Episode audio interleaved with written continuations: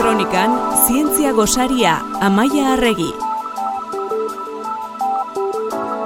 Aurreko astean, iragan urrunak argiaren bitartez guganaino bidaiatzen duela ikusi genuen unibertsuaren historia kontatzen digula.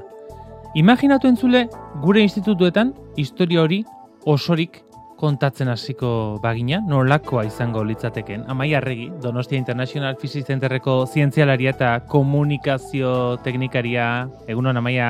Egunon igoz. Hau da, duela, amairu mila eta zortzireun milioi urte, estandarekin hasi eta gaur daño kontatuko bagenu historia, ez da? Nola baita esan da, gizakietan hain zentratuta egon gabe, izatearen sorreratik bertatik hasiko bagina, eta hori da big history.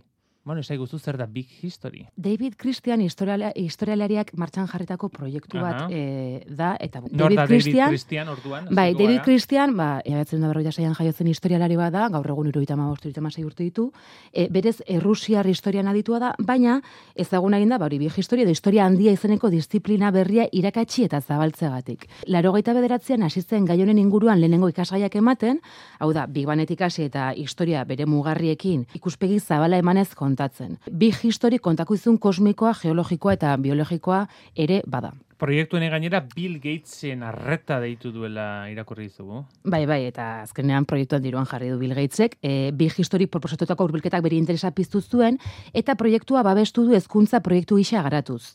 E, bere helburua mundu osoko bigarren hezkuntzako ikasgeletara iristea da. Mm. Esfortzu horren emaitza izan da bighistoryproject.com webgunea, edo nor sartu daiteke bertan, ni egon eskuixkuxatzen aste hontan, eta bertan e, topatuko ez dute sei orduko online ikastaro bat. A ber, liburuak ere horre honen inguruan, zabalago, baina e, sei orduko online ikastaro egiteko aukera dago, modu irekian, pena bakarra da, orengo ez ingelesez bakarri dagoen ikastaro bat dela, baina ikusi ditut foru desberdinetan, ba, eskaerak e, hizkuntza desberdinetara itzulia izan da edin proiektu hau. Euskarara itzuliko duen norbait behar dugula legia. Bighistoryproject.com webgunea eh, masiatu, saltxeatu, begiratu nahi izatera. Zer du zuretzat interesgarrien proiektu honek, amaia? Interesgarra iruditzen zait, ikuspegi zabala bat ematen digulako unibertsualen eburuizoren inguruan, eta hortik abiatuz noski, ba, bizitzaren sorreraren eta ba, gizakiaren agerraldiaren inguruan, ez? Osa, guri buruz eta gure inguruari buruz ari gera hitz egiten. Eta gainera askotan, gai hauetan, bueno, interesa pizten dugunean, konfusio bat sortzen zaigu denboraren inguruan, ez? Historia hitz egiten dugunean, lau mila bat urtetara mugatzen ari gara normalean, eta hor gutxi gora bera, bagara kronologikoki gertara e, garrantzitsuak kokatzeko gauza. Baina unibertsuaren historiari buruz hitz egiten dugunean, denbora tarteak asko zera handiagoak dira. Milioika urteri buruz ari gara, eta ja, milioika urte setiozunan jendari pixka ja, Nastu egiten gara, Bai, ez? nahastu egiten gara, hori konfusio sortzen digu, baina berez, kontzeptualki, ez da zailagoa den zer da, milaka urte esan beharra, ma, milioika urte esatea, puntu. Zu norbaitik galdetzen baldin baiozu, dinosauriak noiz desagertu ziren, eh, agian duelak milaka urte izan zela esango, izu igual duela 6 mila urte, edo goi mila urte. Baina ez, irurogeita 6 milioi urte dira, bai? Eta hor, nolabait, kronologia hori kokatzeko, ez? Tresna, Bai. tresna bikaina dela Hori da. Big eh, History. Bai, bai, gure buruan ordenatu, ordenatu izateko pixka bat denboran nola gertatu diran gauzak Big Bana geroz. Guk ez ditugu sei ordu, baina Big Hmm. Historyren arabera, zein dira unibertsuaren historiako momentu garrantzitsu horiek aipa ditzagun batzuk eh, Bai. jendeak kokaditzan. Bueno, ba, lehen da biziko imaginatuko ez duten Big bezala. Banga, ez? Bai, hori da, unibersoaren sorreri izango litzateke, eta oraindik ez dakienaren zat, duela amairu mila zazpiro milioi urte. Bai? Milioik etzen dugu mendik aurrera eta amairu mila zazpiro. Eta hor da, momentu hortan, ba, ez egotetik, gauzak egotera pasatu ginen, eta gaina gauza horiek zabaltzen hasi ziren. Indar mota desberdinak alertu ziren, elektromagnetismoa, e, gravitatea eta bar, eta materia, kuarkak, atomoak, leptoiak, Eta hortik ja atomo simpleenak.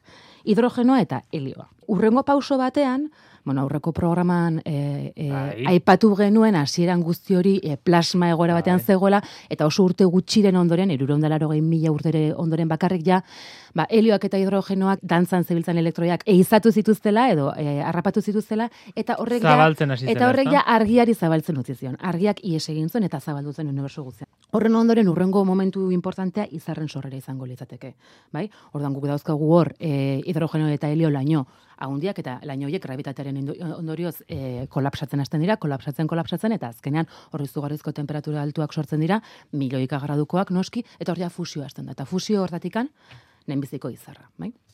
Hori ja, komplexutasun mailan e, igoera e, dago e, izar baten sorrerarekin. Zergatik, ba, fusioaren bitartez elementu berriak sortzen hasten direlako. Gainera, elementu kimikoen ugaritzera, ja, benetan taula periodikoan ditugun e, elementu guztiak e, sortzeko, ba, hor ja, izar haundien e, eztanda eta supernovak e, gertatu behar dira. Hori izango litzateke urrengo pausoa, eta komplexutasuna mailara igotzerako orduan oso garrantzitsua. Horri esker, izarren e, eztandari esker dauzkagu taula periodikoan dauden elementu kimiko guztiak zeren hori baino lehen, bakarrik hidrogeno eta helioa genuzkan. Guk gaur egun inguruan daukagun hidrogenoa, e, asiera, asiera sortu zen. Eta gero, eguzki sistemaren sorrera. Garen e, galaxia honen e, sorrera, lau mila eta bosteun e, milioi urte, hor e, beste mugarri bat. Bai, ja, taula periodikoko elementu kimiko guztia dauzkaguna, baina e, izarra baino komplexuagoak diren gauzak egin ditzazkegu, asteroideak, planetak, ilargiak eta bar, eta hortik bai eguzki sistemak eta gure eguzki sistema. Piskanaka gerturatzen ari gara, orain ja lur planetara begira jarriko gara, lau mila milioi urtera hor bizitza lurrean Bai, ja, hemen ja ikuspegi antropozentriko bat erabiltzen ari gerazten, ez dakigu beste planeta batzutan zer gertatu den, baina badakigu gu bizigeran planeta hontan duela lau mila milioi bat urte, hau da, lurra oso oso gaztea zela, zeguzki sistema nahiko bai, bueno, sortu berria zen, hori da, ba, oso gaztea zela, orduan ja, e, agertu zelen da biziko aldiz, bizitza, ez? Eta zein ziren baldintza horiek, ba, energia konkretu bat behar da, gero elementu kimiko pila bat, eta, bueno, denok dakigun bezala, ba, likido bat. Kasu hontan, ura. E, pentsatzen dago, zenotoko sakongunetan, hipotesi desberdinak daude, baina kimika interesgarria sortzeko egoera proposak eman zirela, ba, bakezulako hor daudelako lurreko e, irekierak eta hortik ba, berotasuna, eta egoera proposa sortzen da kimika komplexua sortzeko, baina, klar, bizitza da kimika komplexua bakarrik propietate emergente bada. Seigarren urratsa DNA irakurri dizugu. Zer Bai, bizitza garatu eta bizitzak aurrera egin izan dezan, ba, e, oso garrantzitsua izan den e, osagaia delako zergatik. E, honek albeidatu digulako, da ez molekula e, batzuk e, estabilizatzen baizik eta e, kopiatze, e, kopiatzeko gaitasun horren bitartez transmititzen. Orduan, molekula zora honek badakigu e, ba, elizibikoitza daukala, orduan bi kopia dira, eta bizitza berri bat erikitzeko behar dugun informazio guzti dauka bere horretan. Eta hortik, pentsa, zeireun, zortzireun milioi urteraino etorri gara. Bizidunak esan da gehienok irudikatuko genuken hori irudikatzen azteko landareak, intsektuak, anfibioak, arraiak, e, gero dinosauroak, ez? Horra, horra azten da hori guztia sortzen, ez da? Bai, bai, hor sortzen direlako bizila, bizidun plurizelularrak, eta hor ja, e, izan dugu, ez da kanprikoa gartu bai zen duela postu milioi urte, eta horra gartu ziran animalia mordoa. Eta, bueno, nizean behin, ondamendiak gertatzen dira, e, jukatanen erori zen bezalako asteroidea, eta albiste txarrak dira dinosaurientzat, baina oso onak ugaztunentzat eta guretzat, gure ugaztunak eranez, ba, utxin hori bete eta garatzeko aukera eman zigulako. Eta gu aipatu duzu, eta hor azken kate begia besterik ez gara, eta kronologikoki oso tarte txikia daukagunak, homo sapiensaren agerpena, ez da? Duela iruro mila urte agertu zen, eta interesgarria zen, klaro, imaginatzen dugu oso bereziak gerala, gauzatzutan bai, eta bestatzutan ez beste, hizkuntza da, guretzako oso ez daugarri garrantzitsua, eta horri eskerra kultura, kultura transmisioa daukagulako. Zeren, klaro, deneak ere transmititzen du informazio bat, baina askoz ere, askoz ere denbora gehiago behar du, baina guk, beraunaldi batetik bestera, iten dugun kulturaren transmisioa izugarria da, eta guzti hori metatzen di, joa, ez da galtzen animalia bat hiltzen denean, pertsona bat hiltzen denean ez da galtzen, transmititu egiten da. Eta hori, azken katebegia. Eske gainera, osa, azkenean e, ikastore honen amaieran gero egiten duena da, ba, guzti hau kontatu ondoren, eta gero, ba, gizakiaren inguruan hitz egiten duenan, ja, bai, esan dugu ikasketa kolektiboa, eta gero nekazaritzaz ere hausnarketa bat egiten du, zergatik izan da nahin garrantzitsua e, historioan, eta gero ja bukatzen du ja, etorkizunari buruz hitz egin ez, ez, eta nahi dutena da, nola bai, ba, bigarren hezkuntzako ikaslek e, ikuspegi zabala jaso ondoren, etorkizunari begira, ba, planteamentu berriak egitea, ez. Gogoetatzea, ez da? Hau, hau izan da iragana, hau da kronologia, bai. duan etorkizuna nolakoa izango den pentsatzea eta eta irudikatzea. Eta honen inguruan gogoetan ari garela, agenda kontu bat edo agenda proposamen bat ere badakartzu maia. Bai, e, bueno, Pint of Science asko ezagutuko dute dagoeneko, baina proposamen hau mundu mailan egiten da. Euskal Herriara ere, iritsiko da.